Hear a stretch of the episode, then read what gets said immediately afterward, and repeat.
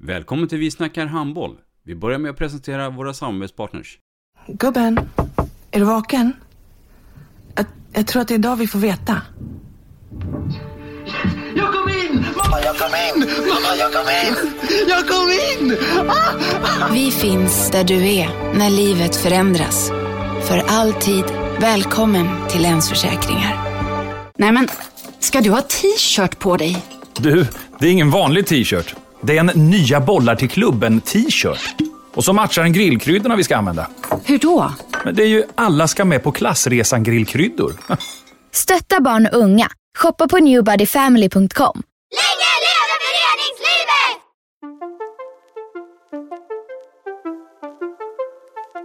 Välkommen säger vi till dig som lyssnar till den bästa handbollspodden. Vi snackar handboll med Robban Z och gäster.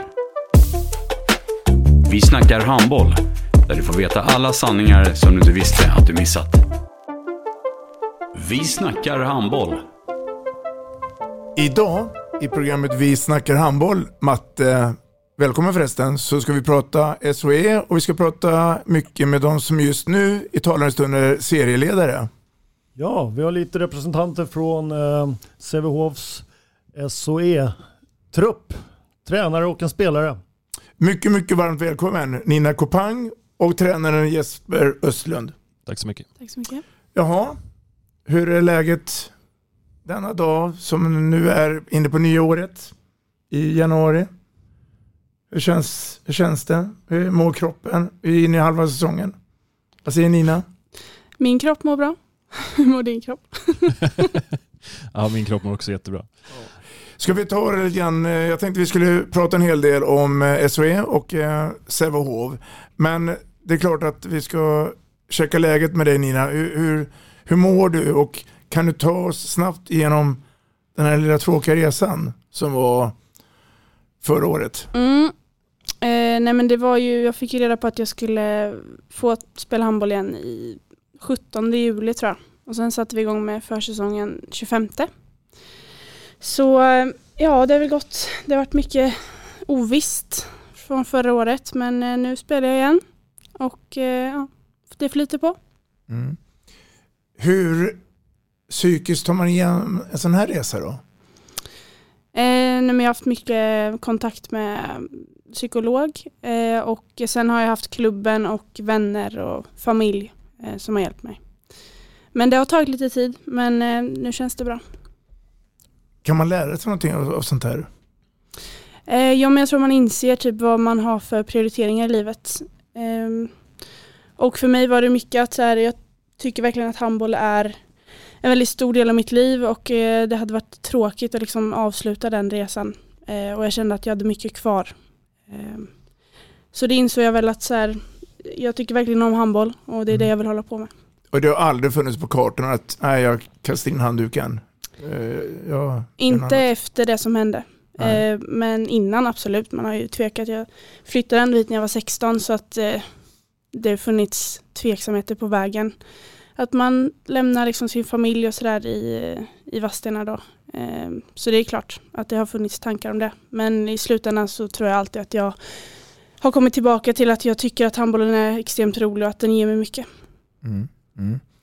Jesper när du var med senast i podden, då var det som förmån som förbundskapten.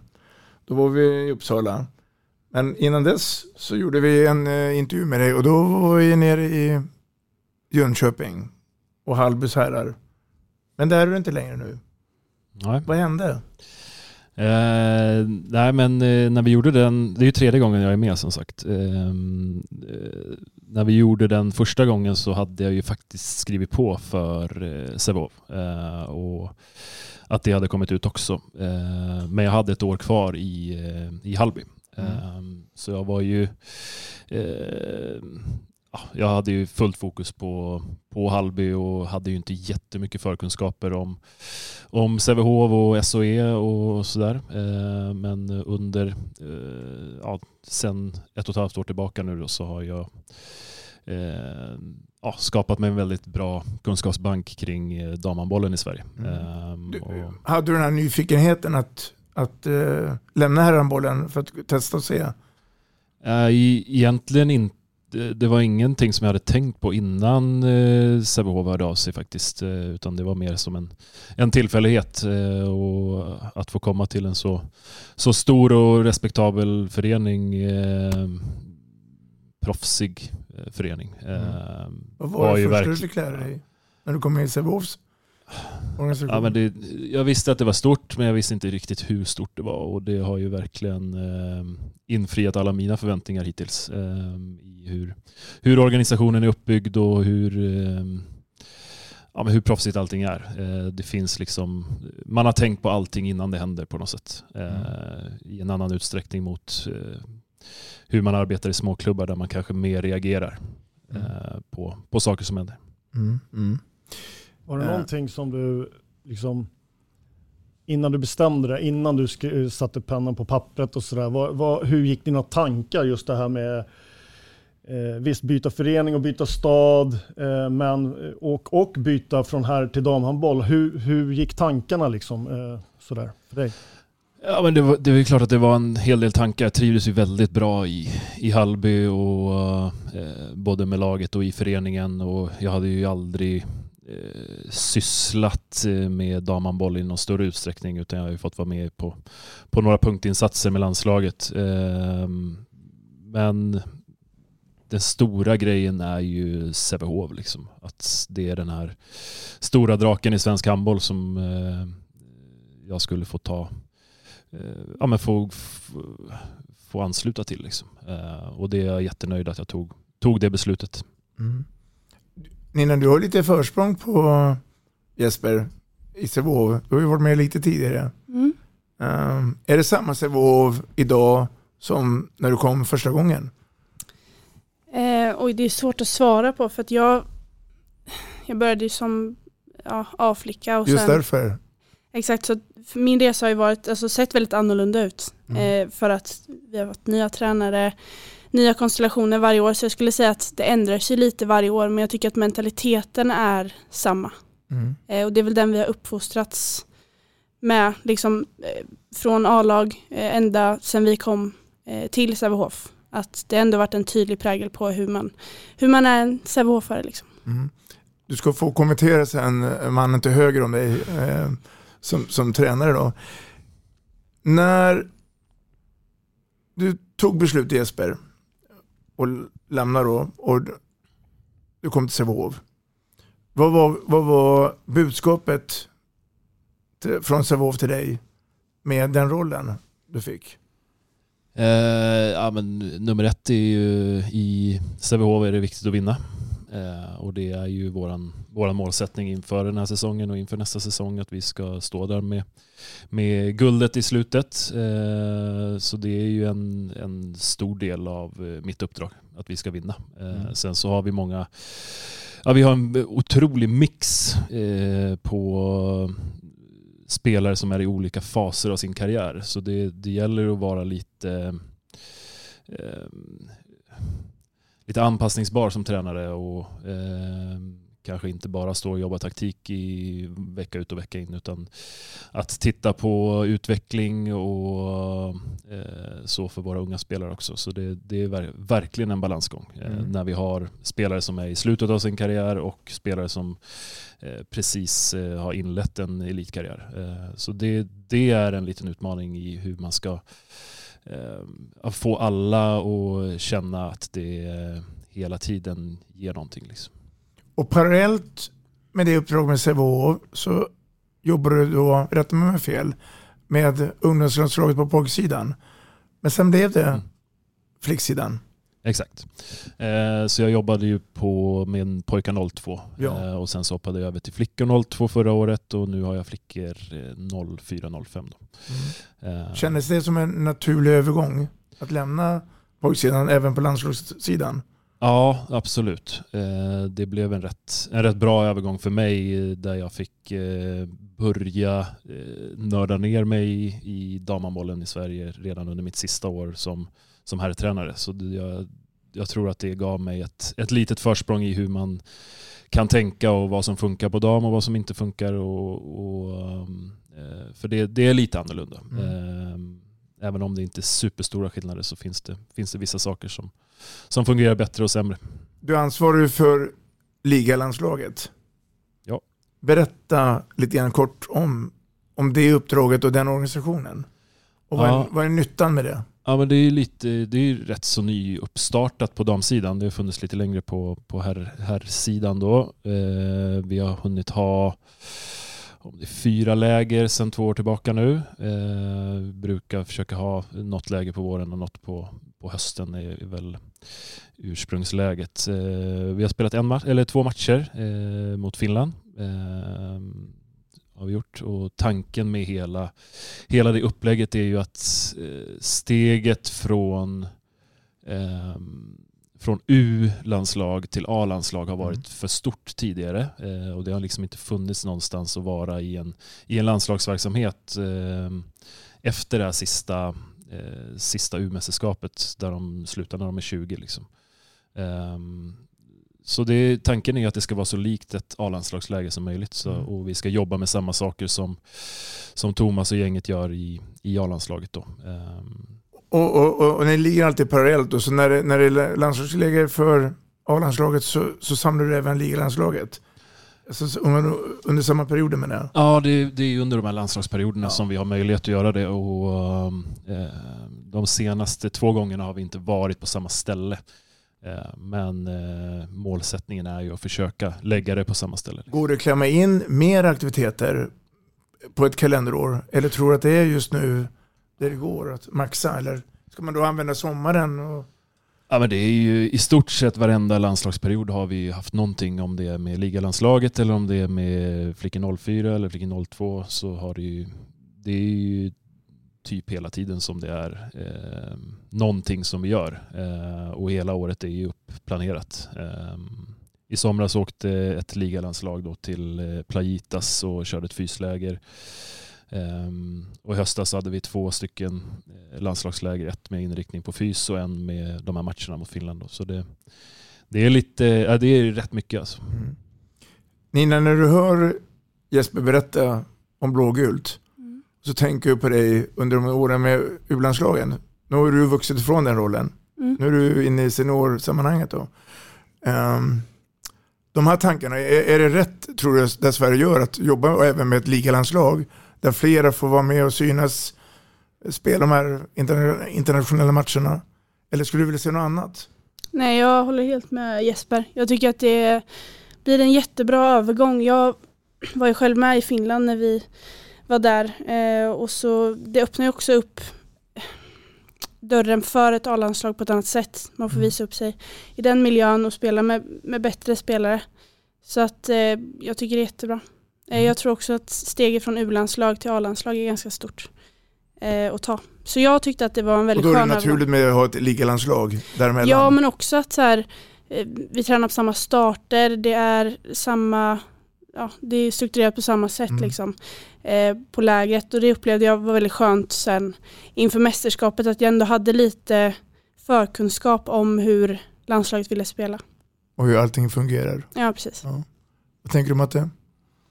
Jag är, när vi ändå är inne och pratar landslag så, så är det ju så här. Det, det jag funderar på kring Nina det är lite grann eh, den historiken hon hade där när hon fick besked 17 juli att hon eh, kunde spela handboll. Började träna den 25 med försäsong 25 juli och sen några månader senare så blir hon uttagen att vara med i ett mästerskap och var på en annan Nina gå sönder under mästerskapet så att hon fick kanske en större roll än vad hon skulle ha haft. Så. Hur, hur var den perioden? Hur, hur, hur, hur väl förberedd var du för det mästerskapet?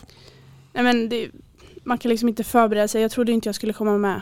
Eh, så. Men det är klart att jag hade ju någonstans i bakhuvudet ett mål att om jag kommer tillbaka så kommer jag ju sikta på att få spela A-landslaget. Och sen om det är på hösten eller om det är om något år eller två år, alltså det, det visste jag inte då. Så jag var inte förberedd men jag hade ju förhoppningarna om det. Eh, men det var sjukt kul att, att få vara med. Det är ju någonting som är rätt jobbigt Jesper.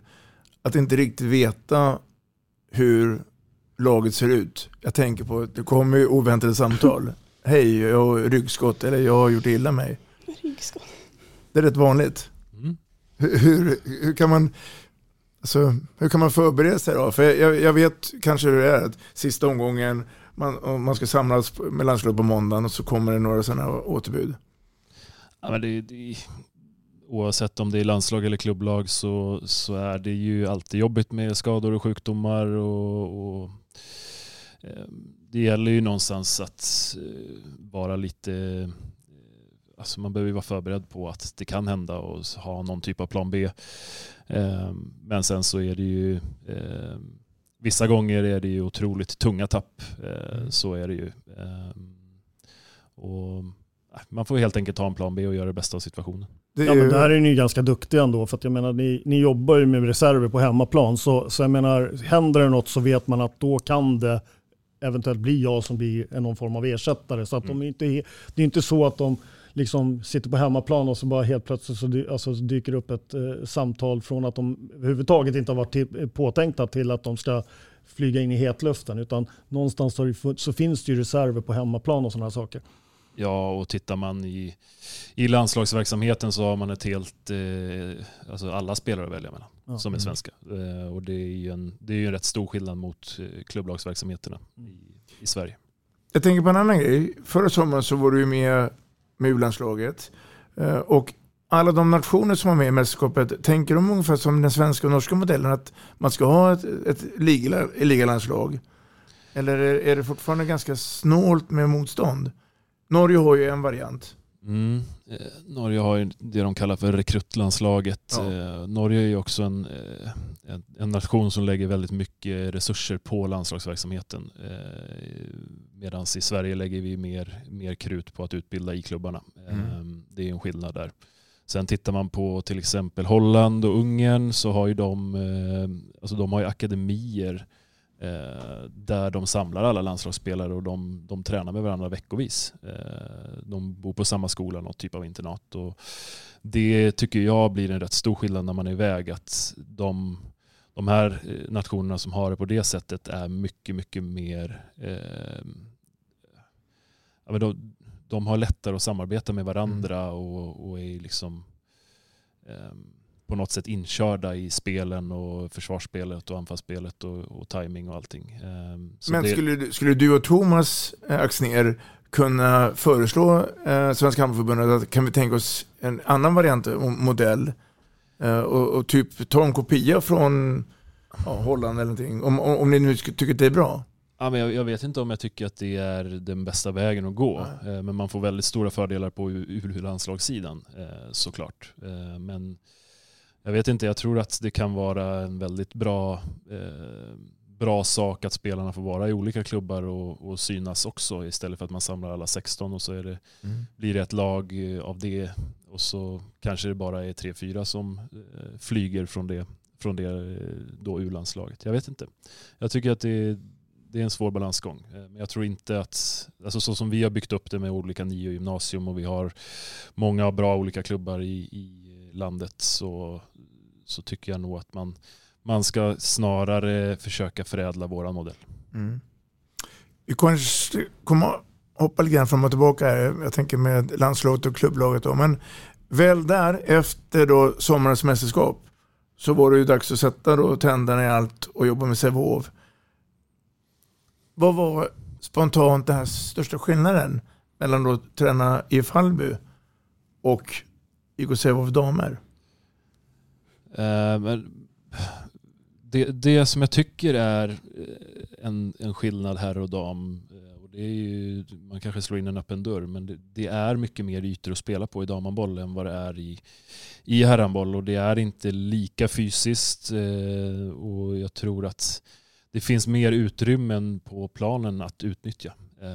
Det tycker jag är den största skillnaden. Och samma sak då i, i det defensiva spelet så behöver du krympa ytorna på ett annat sätt än, än vad du kanske behöver göra på, på här sidan. Ehm, men det, är så, alltså, det säger ju sig själv med, med att tjejer är mindre än vad killar är. Ehm, mm. Och kanske springer lite långsammare och skjuter lite lösare. Ehm, och det gör att ja, man, man behöver jobba på ett lite annorlunda sätt. Mm. Och man kan, jag tror också att det går att ja, men man, man behöver försvara över större ytor och man kan spela på större ytor i, i anfallsspelet. Så det, det är den största skillnaden. Um, men ledaren Jesper Östlund, är det samma person? Eller har du blivit citat mesigare?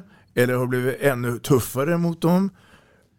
Nej, jag, jag skulle säga att mitt, mitt ledarskap eh, har jag inte förändrat nästan alls. Utan jag fortsätter på den eh, ja, på det som jag tror på. Eh, och jag tycker väl att det har, det har funkat bra i, i Sävehof också. Precis som, eh, jag tycker inte att det, det känns som att eh, det sättet att vara, framförallt i Sverige, fungerar väldigt bra. Eh, mm. sen är jag väl medveten om att eh, ska man ner till eh, någon sydligare europeisk klubb så kommer man behöva vara lite, lite tuffare och hårdare mm. och bestämma mer på något sätt. Nina, mm. nu har du haft många tränare genom karriären. Nu ska du inte du jämföra och vi ska inte prata om det som har varit. Men om du nu får säga precis vad du tycker och tänker mm. om Jesper Östlunds ledarskap. Mm. Vi ska prata lite ledarskap nu. För du är också en ledare fast du är på spelplanen och Jesper är utanför gula linjen. Beskriv Jesper Östlund. Jag tycker att Jesper är eh, en väldigt bra tränare. Får jag börja med att säga. Eh, jag har ju bara haft två stycken eh, tränare i seniornivå. Men jag tycker att Jesper ser alla och jag tycker om sättet han vill att vi ska spela. Det passar mig bra och jag vet att många i laget, eller alla i laget, håller med mig där.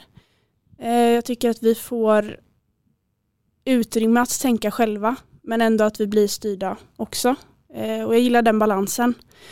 Tidigare har vi varit ganska, eller när man kommer upp Eh, och är junior så är det ofta så att man behöver lite mer, alltså vara inom boxen och bli tillsagd vad man ska göra. Men jag tycker att det har utvecklat oss väldigt mycket som lag att få tänka lite själva och vara med och vara delaktiga i eh, hur vi vill spela.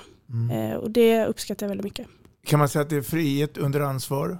Ja, men lite så. Mm. Mm. Men såklart så, jag har ju inte gett, alltså, jag har inte haft så många år på seniornivå. Men de, eller det här året har varit väldigt bra och jag tycker att man ser på spelarna i vårt lag att vi utvecklas mycket individuellt också. Har, har du sett Jesper arg någon gång? Nej, alltså han blir inte jättearg jätteofta.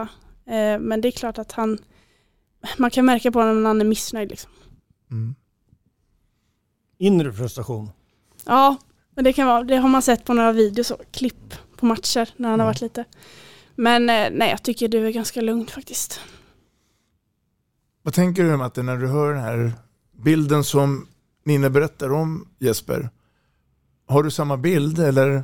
Ja, men alltså det är både det Nina säger och det som Jesper sa själv om sig själv innan. Så det är väl lite grann den uppfattningen jag har av Jesper också. Jag har känt Jesper ganska många år. Eh, och, Eh, men det är ju en, ja, en, en liksom ganska lugn tränare. Alltså, eh, brusar inte upp sig så här, blir inte stressad så här, utan ganska, kan vara ganska analytisk och saklig liksom i, stund, i stridens hetta på något sätt och eh, kanske inte behöver gå in och höja rösten för mycket utan kan vara ganska saklig med, eh, och, och det på, på sitt sätt. I, i, och det tror jag passar, och det är han inne på lite själv också, det passar nog, hans ledarskap passar nog på över både herrar och damer. Det finns ju sådana som är ganska burdusa som, som herrtränare som skulle nog ha en större, det skulle bli en större liksom, skillnad att gå, gå och träna eh, ett damlag sen. Så där, där, man måste tänka på hur man uttrycker sig och, hur, och vad man säger och när man säger det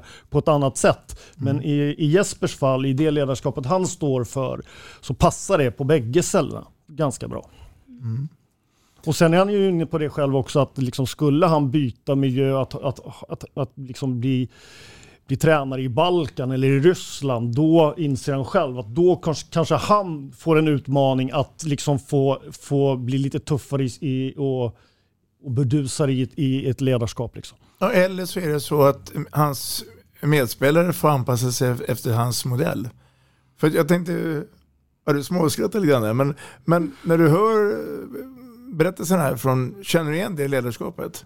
Eller är det ja. någonting de har fel på? Nej men det, det är ju Alltså jag, jag har haft en, jag har varit tränare nu i tio år och de första två, tre åren så hade jag en annan ledarstil som jag tyckte inte funkade så bra eh, för mig. Eh, där jag var mycket mer rakt på sak och rätt så ja, det kunde hoppa grodor i munnen liksom. Eh, och på något sätt så, så funkar inte det för mig i alla fall. Eh, och jag tror att eh, jag har väl försökt att, att bli lite mer eh, Alltså jag är mer demokratiskt lagd och, och, vill få med mig gruppen och jag tror ju inte att jag tror inte att eh, mina spelare blir bättre av att jag skäller på dem. Utan jag tror att det ska komma från eh, alltså inifrån att man ska se till att vara på plats och man gör sitt bästa. Och, och, alltså jag litar väldigt mycket på att mina spelare försöker och gör sitt bästa. Och då, eh, jag tror inte så mycket på det här att, att skälla för mycket. Eh, mm. sen såklart vissa gånger så hade det kanske behövts att jag höjde rösten lite mer än vad jag gör. Eh, men i ett utgångsläge så vill jag hellre vara mer åt det hållet än åt andra. Håller du med mig att när du var aktiv som spelare så var du den här stygga killen på banan? ja, jag tror att det är rätt, eller det är otroligt stor skillnad på uh, handbollsspelaren Jesper och handbollstränaren Jesper. Mm, mm. SOE ska vi prata om nu om. Är det en bra liga så här långt efter 13 spelaromgångar några har spelat 14. Vad säger, eh, vad säger ja, det beror ju på vad man jämför med såklart. Eh, det finns ju massa ligor ute i Europa som är på en högre nivå. Eh, så, så är det. Eh, men eh, jag tycker väl att det är några lag som har haft lite, lite otur med skador, bland annat Skuru och Hör som borde ligga två och trea, som inte gör det just nu.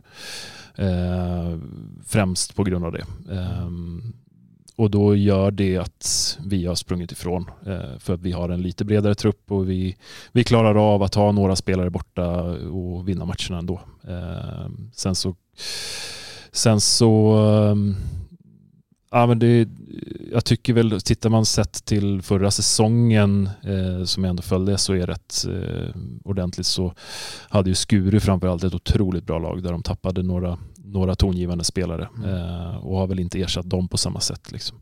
Det är väl Hör som egentligen är eh, eh, klart bättre än förra säsongen om man tittar på, och Skövde. Men, men kan man bara sammanfatta då att den, den SOS den är så pass bra den bara kan bli just nu? Nej, nej. Den, nej. den kan utvecklas och den måste utvecklas. Jag är inne på ett annat spår om ni vill bemöta mig och det är ju då att vi tappar ju många spelare utomlands. Såklart, på grund av deras eh, framtonande roll. Är det så att vi tappar för snabbt spelare och inte lyckas kan fylla på tillräckligt många spelare i den kalibern?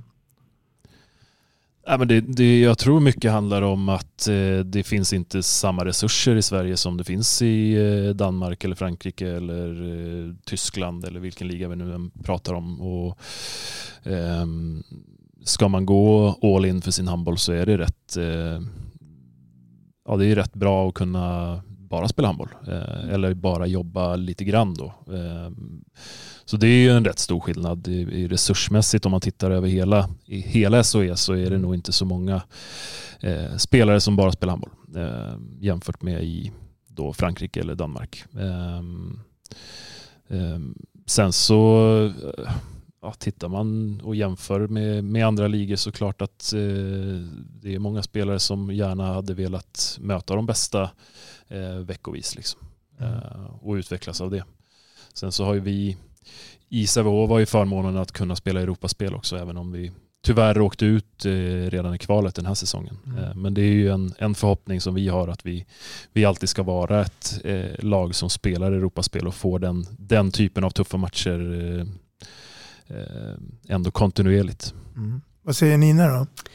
Nej, men jag är inne på samma spår där. Ehm, jag känner typ, ja det är inte alls många som jag vet som bara spelar handboll i, i SOE. Eh, framförallt inte i, i, i andra lag. Eh, så att det är väl den biten och sen eh, alltså nivåskillnaden är ganska stor. Eh, om man jämför bara med Danmark som har en Mm. väldigt jämn liga med en väldigt hög nivå. Alltså jag tycker ändå att SHE har i år blivit lite jämnare, så skrällat lite eh, här och där. Men att det är inte lika hög nivå som det kanske var förra året eh, på högsta nivån då. Så att jag vet inte.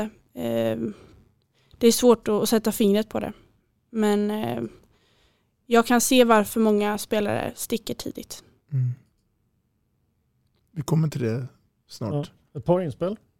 Det är svårt att ersätta om det är det är alltid de bästa spelarna ur ligan som försvinner ut till, till andra länder och till internationell handboll inom olika saker. Och de spelarna som ska ersätta de här spelarna, de har, är ju inte på samma nivå när de då initialt tar över det här skeppet. Utan det krävs ju tid för att de ska komma upp till den nivån som de spelarna som lämnar. Och sen så finns det ju någon enstaka som kommer hem nu. Vi hade ju några stjärnspelare som har kommit hem till ligan i år som har varit, haft lite otur med skador och sådana saker. Eh, Det är väl en sak. Så ser väl jag det här med tappet på, mm, utifrån lite skadebild och utifrån att man har tappat en del spelare, framförallt på Skuru och Hör, ser jag som att Hör och Skuru kanske har blivit lite, lite mindre konkurrenskraftiga den här säsongen än vad, än vad de var tidigare år, där, där Sävehof, Hör och Skuru har varit ganska dominanta inom svensk damhandboll. Men det som jag som åskådare idag eh, kan se, det är att jag tycker att det finns intressanta föreningar som, som nu åtminstone liksom vill ta upp kampen med de här tre stora klubbarna på ett helt annat sätt än vad det var för några år sedan. Alltså det finns ganska många klubbar nu som kommer bakom som faktiskt gör, och det kommer ju ta något år eller ett par till, men förhoppningsvis så kommer det höjas, höja eh, kvaliteten på hela ligan eh, inom ett par år. Ja, men man märker ju också att eh, tittar man på de här stora herrklubbarna med IFK Kristianstad och Ystad IF och Alingsås som inte har haft eh, damlag uppe i, i högsta serien så gör ju de eh, lite kraftsamlingar för att eh, göra satsningar på, på damsidan och jag tror att om vi tittar tio år framåt i tiden så kommer det nog se lite annorlunda ut i den här serien eh, faktiskt. Eh, att de, de klubbarna som har lite mer resurser kommer eh, nog orka och ta marknadsandelar. Eh, det är min gissning eh, och jag hoppas också att det blir så. Tror du Nina att det är eh, exempelvis två lag för mycket SHE? Man har ju pratat förut om att man ska gå på tio lag för att få det tuffare. Eller välkomnar du som det är? Eller tror du att det skulle vara bättre om det är flera lag? Fler lag? Om det skulle vara fler lag? Ja. Oj, det har inte jag tänkt på. Eh, alls faktiskt. Eh, vad det skulle göra för skillnad. Eh, men kanske, jag vet inte. Nej, frågan är fri för er andra. Jag tror, jag tror inte att man ska ta ner till 10, det, det tror inte jag i alla fall. Eh, Men däremot så, alltså tittar man nu, nu den här säsongen så har ju Heid haft det jättetufft. Eh, Men det finns eh, några allsvenska lag som vi har mött i Svenska Cupen som jag är rätt imponerad av med, med Boden och, och Aranäs eh, framförallt som eh, och eh, även Kärra där som, som säkerligen kommer, kommer komma upp och, och göra det bra här. Men att, att eh, dra ner det till 10, det, det, det tror inte jag på. Eh, Då Nej. hoppas, jag, då hoppas jag mer att eh, klubbarna från, eh, ja, som är i, i botten nu kraftsamlar och ser till att förbättra eh, sina verksamheter för att ta marknadsandelar och, och, och bli ännu bättre. För serien behöver eh, generellt sett höja upp sin nivå. Liksom. Det, det tror jag. Eh, Och sen på vilket sätt det blir, det, det vet jag inte. Men jag, jag hoppas att det, det blir en lite jämnare nivå framöver. Mm. Ser man inte det? Nej, jag tycker väl lika. Jag tycker inte man ska gå ner i. Jag tycker, eh, sen kan man diskutera om man ska behålla utifrån hur kvaliteten, kvaliteten är i, i just dem. Men jag tycker på sikt så tycker jag nog man ska försöka höja, höja antalet lag eh, när det passar in som bäst. Men eh, och av, det, av den anledningen att jag tycker att det spelas alldeles för få nationella matcher inom svensk damhandboll. Eh, det är för många långa uppehåll och, eh, och sådana här saker. Och jag menar, eh, Det är ju också en anpassning sen när man kommer utomlands att det kommer spelas mer matcher och då måste vi ju liksom lite grann skola våra spelare till att spela lite mer matcher även i, i, när vi är hemma, kvar och spelar här hemma i Sverige. Eh, det är min åsikt. Men eh, som sagt var, sen kanske inte det är läge just nu att man ska gå från 12 till 14. Men jag tycker att det är dit man ska sträva så att det blir fler konkurrenskraftiga matcher i framtiden. Men kan det vara så då Nina och Jesper att om SHL skulle bli lite eh, vassare eh, att möjligheten är större då att man kan behålla spelarna kvar i Sverige? Ja, det, det tycker jag säger sig självt. Desto starkare liga man har, desto mer attraktivt blir det. Eh, och det, det, är absolut en, en förhoppning jag har till framtiden här att det ska kunna, kunna bli en jämnare nivå och att det är fler, fler lag som eh, orkar göra de här satsningarna och, eh, och inte bara så stötvis i en två, tre års plan utan att det ska vara eh, över tid. Mm. Jag tror också att de flesta spelarna som spelar i Sverige är, hade gärna velat stanna längre.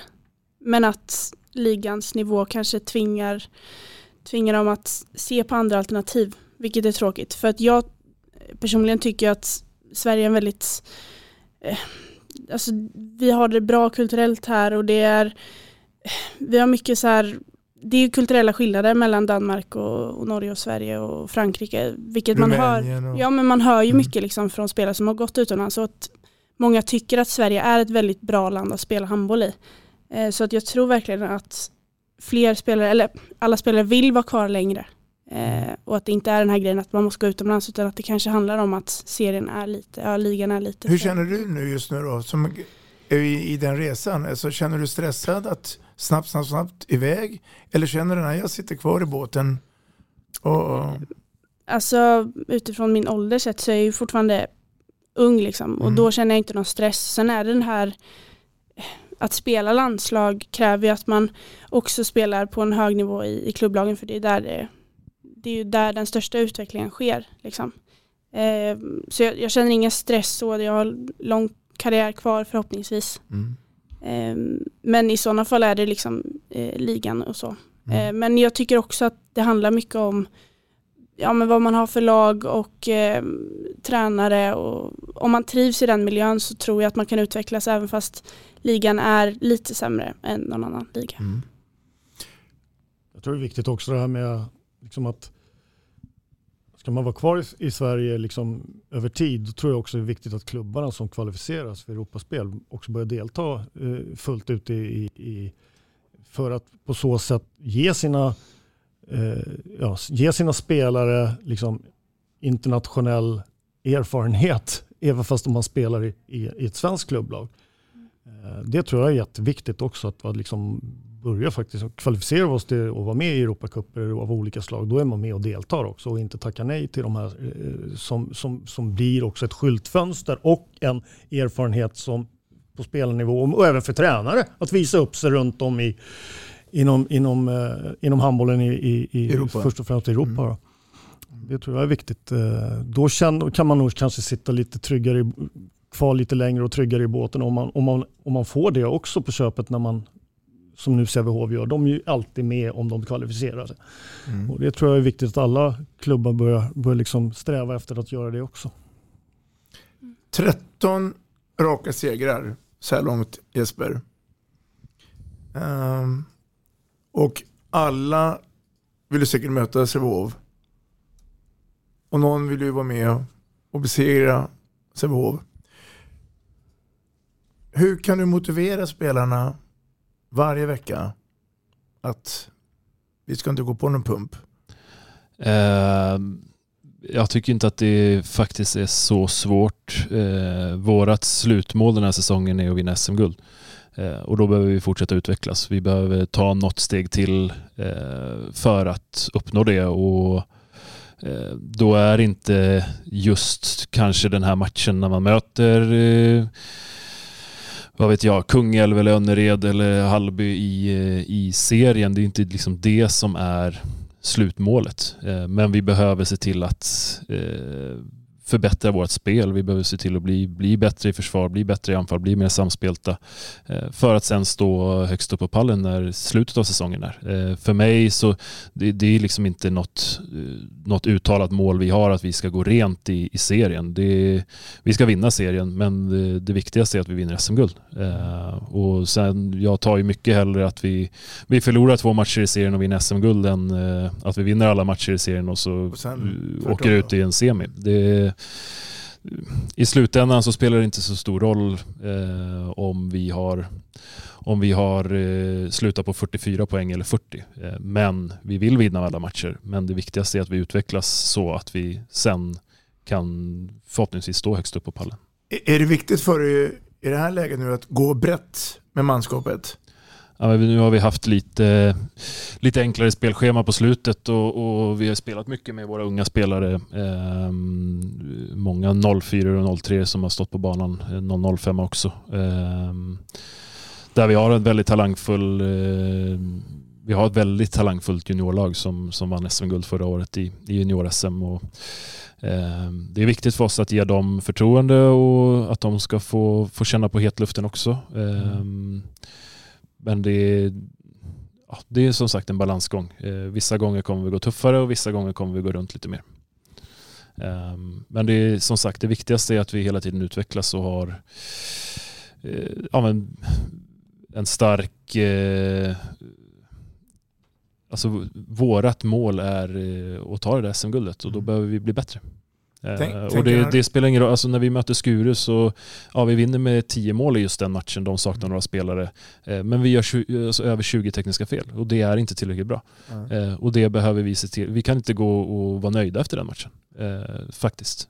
för vår del så handlar det om att vi ska bli bättre. och det kanske inte ens, alltså, står vi i en semifinal i, i vår och har 24 tekniska fel, då är det rätt stor risk att vi inte vinner den matchen. Mm. Uh, och det är någonstans dit vi måste komma, att vi ska hela tiden se till att förbättra oss. Uh, oavsett motstånd. Tänker han rätt? Ja, så jag tänkte faktiskt säga det precis just den skurmatchen att även fast vi vinner över eh, ett lag som ligger topp tre liksom i serien så, så fokuserar vi alltid på att vi ska göra eh, en bra prestation. Om vi inte gör en bra prestation utifrån vår, vår högsta nivå så, så är ju inte det bra. Mm. Eh, och just när det ser ut så som det gör i år, att vi ändå har ja, hittills inte förlorat någon match så kanske det är det fokuset man måste lägga. Att vi alltid ska sikta mot att eh, nå vår fulla potential. Eh, så jag håller verkligen med om det och att det blir mer fokuset just nu. Ja, det är väl ganska tydligt. Det är bättre att på, fokusera på prestationerna och bedöma prestationer man har gjort än att lägga för mycket fokus på de resultaten man gör. Utan mm. det kan, du kan göra bra resultat men att prestationer är sämre. Du kan göra dåliga resultat där prestationen faktiskt är alltså resultatmässigt lite sämre eh, resultat men där prestationerna har varit bra. Jag vet inte om ni vågar det men ni, ni får göra det i alla fall. för när vi sänder det här sen så har det gått några omgångar till men det är fortfarande en bit kvar. Men um, floppar så här långt? SHL. alltså lag som har ja, varit mindre bra som ni tänkte? Jag vill väl kanske inte använda ordet flopp. Det, det, känns fel att göra det i min, i min eh, roll. Ja, i min ja. roll. Eh, men det är klart att man, eh, man hade högre förväntningar på Lugi framförallt. Eh, och det har ju de själva också. Men sen så kan väl de komma undan lite med att de har haft mycket skador. Eh, men det var ju ett lag som jag trodde skulle hamna kanske fyra eh, till slut när man summerade serien. så det är väl det är väl de. Är, är det svårt samtidigt som ledare och, och tränare att, att eh, alltså, det kommer en massa nya spelare att kunna, det är inte så, kanske så enkelt bara omvandla till ett, ett vinnande maskin utan det tar tid.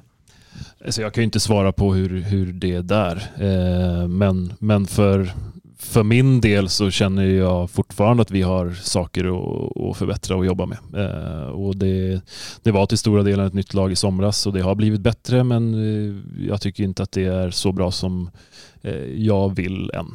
Eh, och det är väl sunt på något sätt också att vi, vi inte är nöjda med att ja, nu har vi vunnit 13 matcher men vi har inte gjort 13 topprestationer. Det har vi absolut inte gjort. Eh, där kanske det är 5-6 topprestationer. Eh, och någonstans så vill ju vi, vi blir ju inte lika synade i sömmarna när vi gör en eh, dålig match. och för då kan det vara så att vi har vunnit ändå. Eh, men om man bara jämför med min, min tid i Hallby, en dålig match var ju lika med noll poäng. Mm. Så är det. Eh, det, men så är det, ser det inte riktigt ut, utan vi kanske kan lösa det ändå, eh, även om vi inte är, spelar på vårt max. Lag som ändå är positivt överraskade. Jag tänker på Skövde och Västerås. Ja, Vad säger vi här Nina? jag vill lägga till Hallby där också. Ja, Jag tycker att de har imponerat väldigt mycket. Tufft att som gå från... nykomling. Ja, jag, jag, Mm. jag är jätteimponerad över deras eh, prestationer. Mm. Ehm, Jag håller med dig. Ja, eh, jag tycker också att Skövde har eh, visat att de är pigga och fräscha och eh, har eh, ett bra samspel. Ehm, så ja, jag är imponerad. Och det har ju varit mycket skrällar också, eh, Mm. om man ska se det till pappret. Liksom. Håller du med Matte?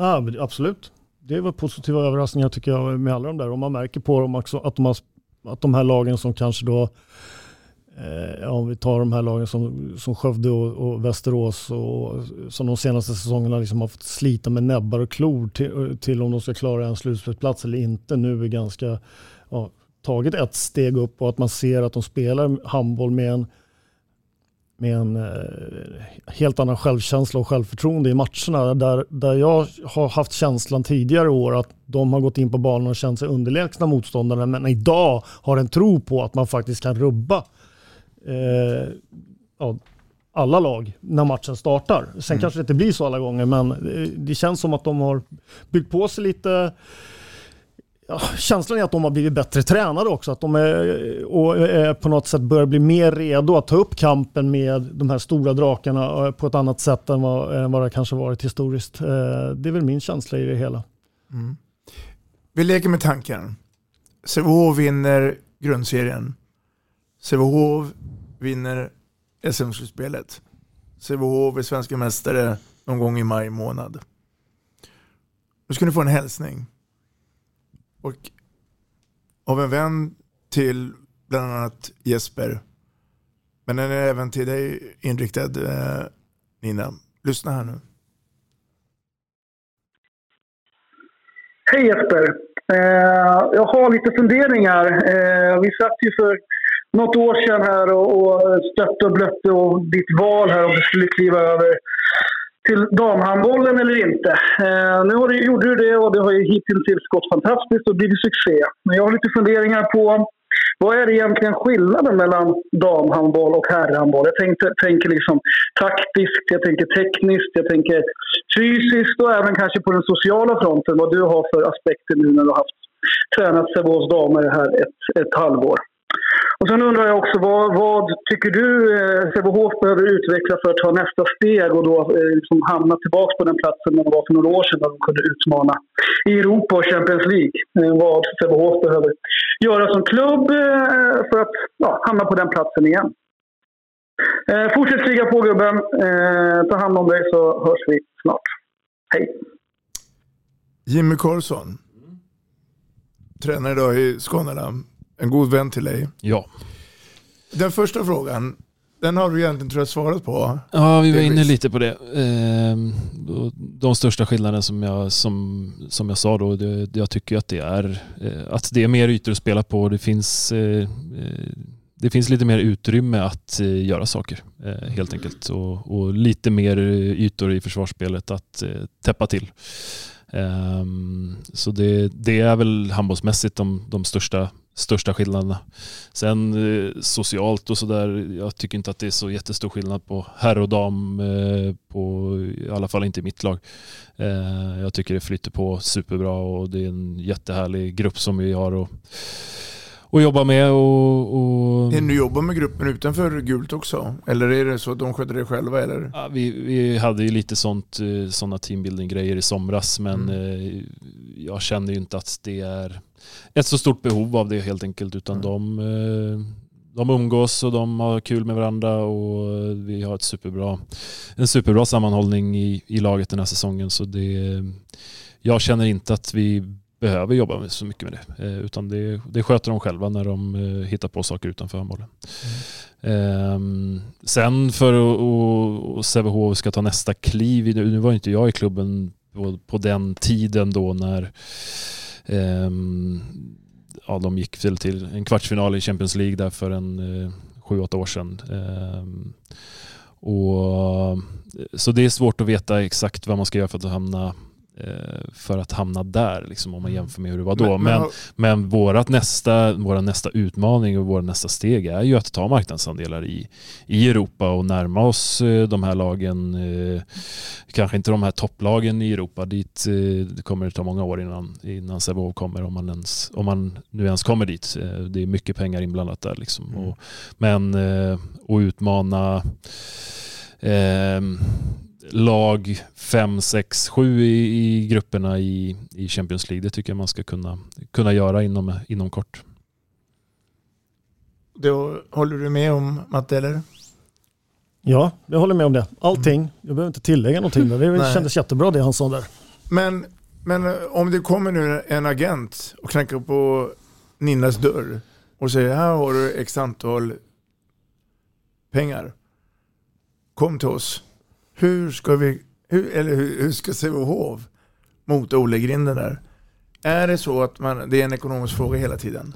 Jag tycker inte att Sävehof ska motarbeta Ninas ambitioner och, och gå, eh, gå utomlands utan när hon känner sig redo för det då eh, ska hon ta det steget. Eh, eh, däremot så ska ju vi såklart göra allt eh, vi kan för att eh, Sävehof ska vara ett bra alternativ för henne.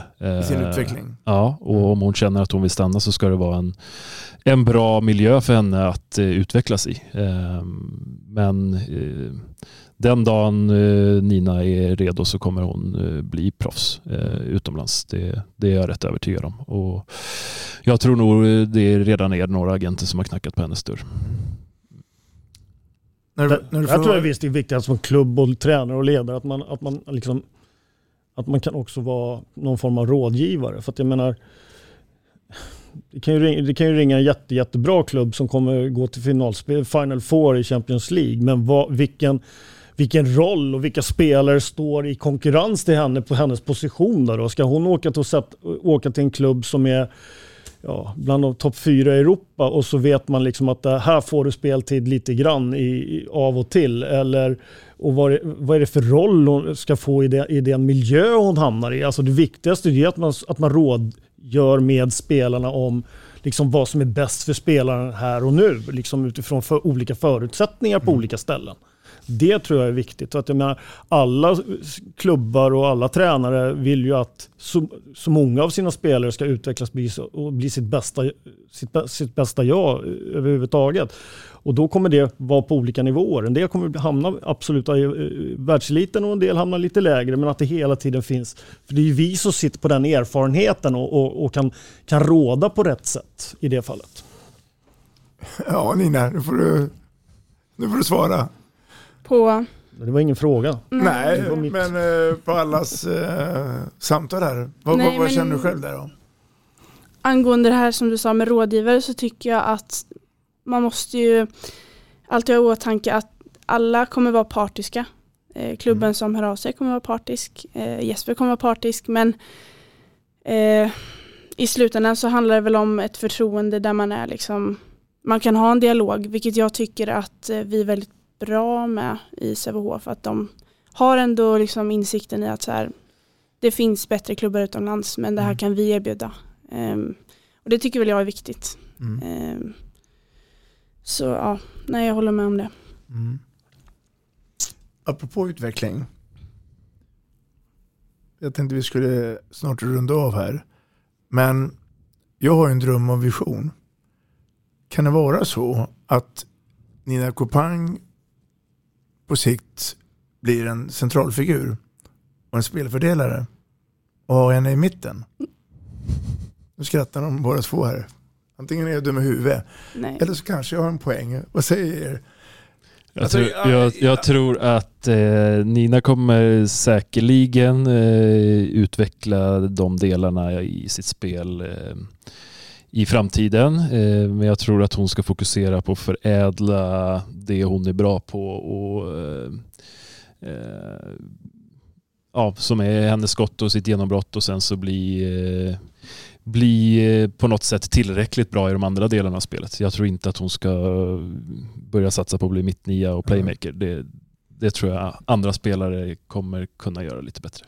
Men känner du att du skulle kunna ta en sån roll med lite ironi här? Nej, men det jag känner är väl att jag tycker om att jag har fått vara mer involverad i spelet i år och att vi har mycket inkommande spel där eh, alltså först och främst så håller jag med om det som Jesper säger att så här, jag vill ju förädla de, de grejerna jag är bra på så mm. att försvararna eh, kommer behöva vara två stycken på mig liksom. Eh, och utifrån det kan jag leverera passningar och sådär till andra spelare. Och det har vi ju en del spel som är uppbyggda kring. Men mm. jag tror inte att mittnia hade varit någonting för mig. Um, utan att det är väl mer den liksom, delen som jag vill kunna utveckla.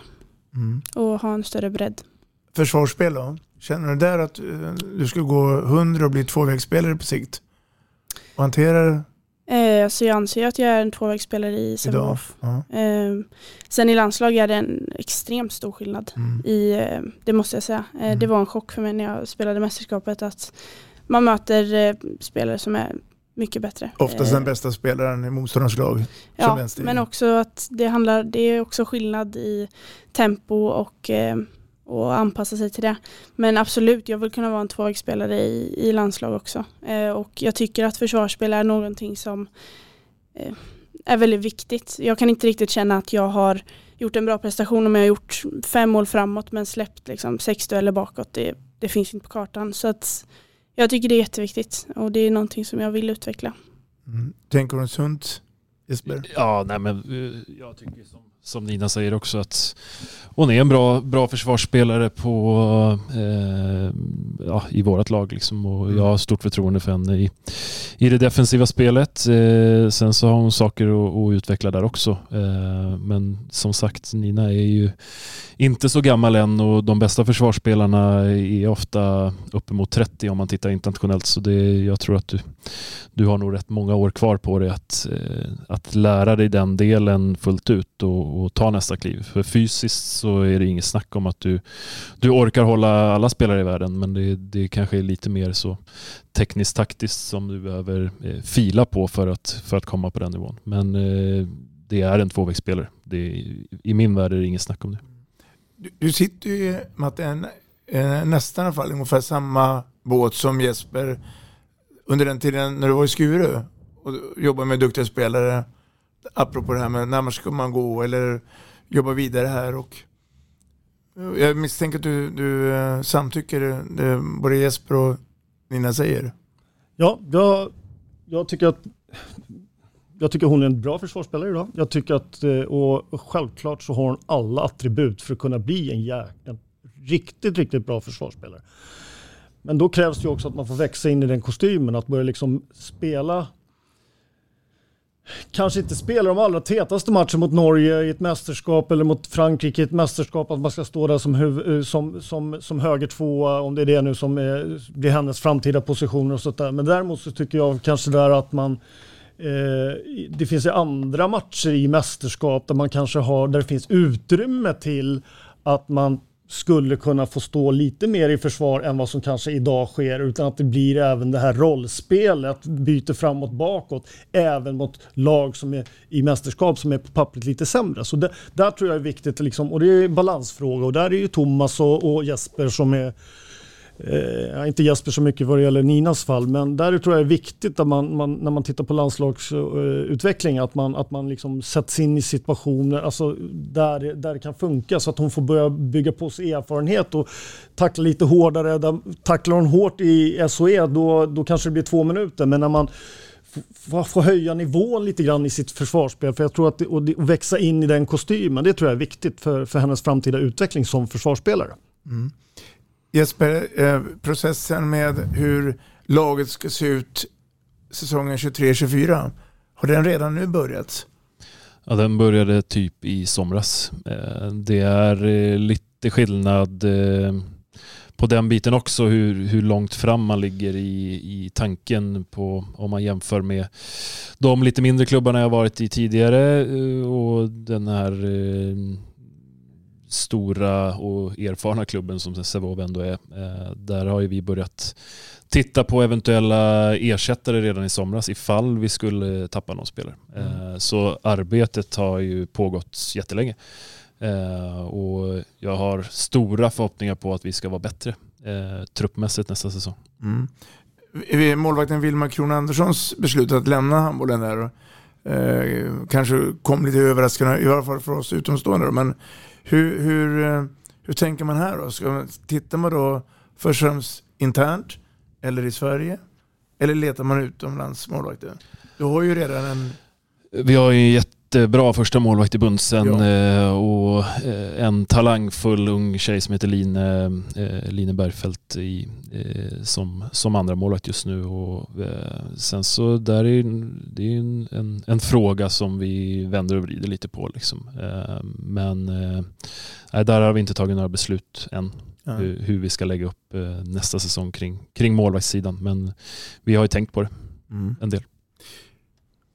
Nina, om jag nu, om att eh, ta tåget ner till Malmö i december månad.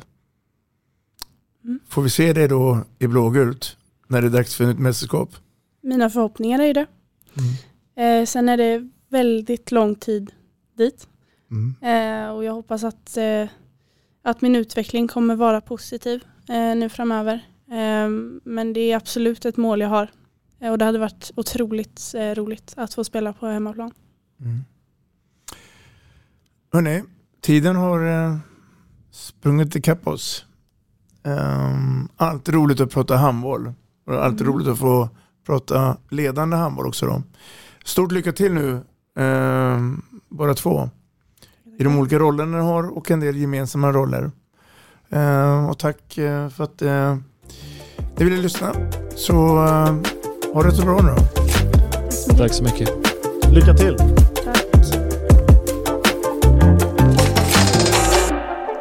Vi snackar handboll, där du får veta alla sanningar som du inte visste att du missat. Vi snackar handboll. Vi snackar handboll produceras av produktionsbolaget High On Experience, från vision till passion. Ett avslutande tack till våra samarbetspartners. Hallå! Kommer ni eller? Ja, ja. Har du sett mina ankelsockar? De här? Nej, nej, jag menar skridskoslip till juniorlaget Ankelsockarna. Ja, men kolla bredvid träningsläger med handbollstjejerna-t-shirtarna. Stötta barn och unga. Shoppa på newbodyfamily.com. Länge leve föreningslivet! Gubben, är du vaken? Jag, jag tror att det är idag vi får veta. Jag kom in! Mamma, jag kom in! Mamma, jag kom in! Jag kom in! Ah! Vi finns där du är när livet förändras. För alltid välkommen till Länsförsäkringar.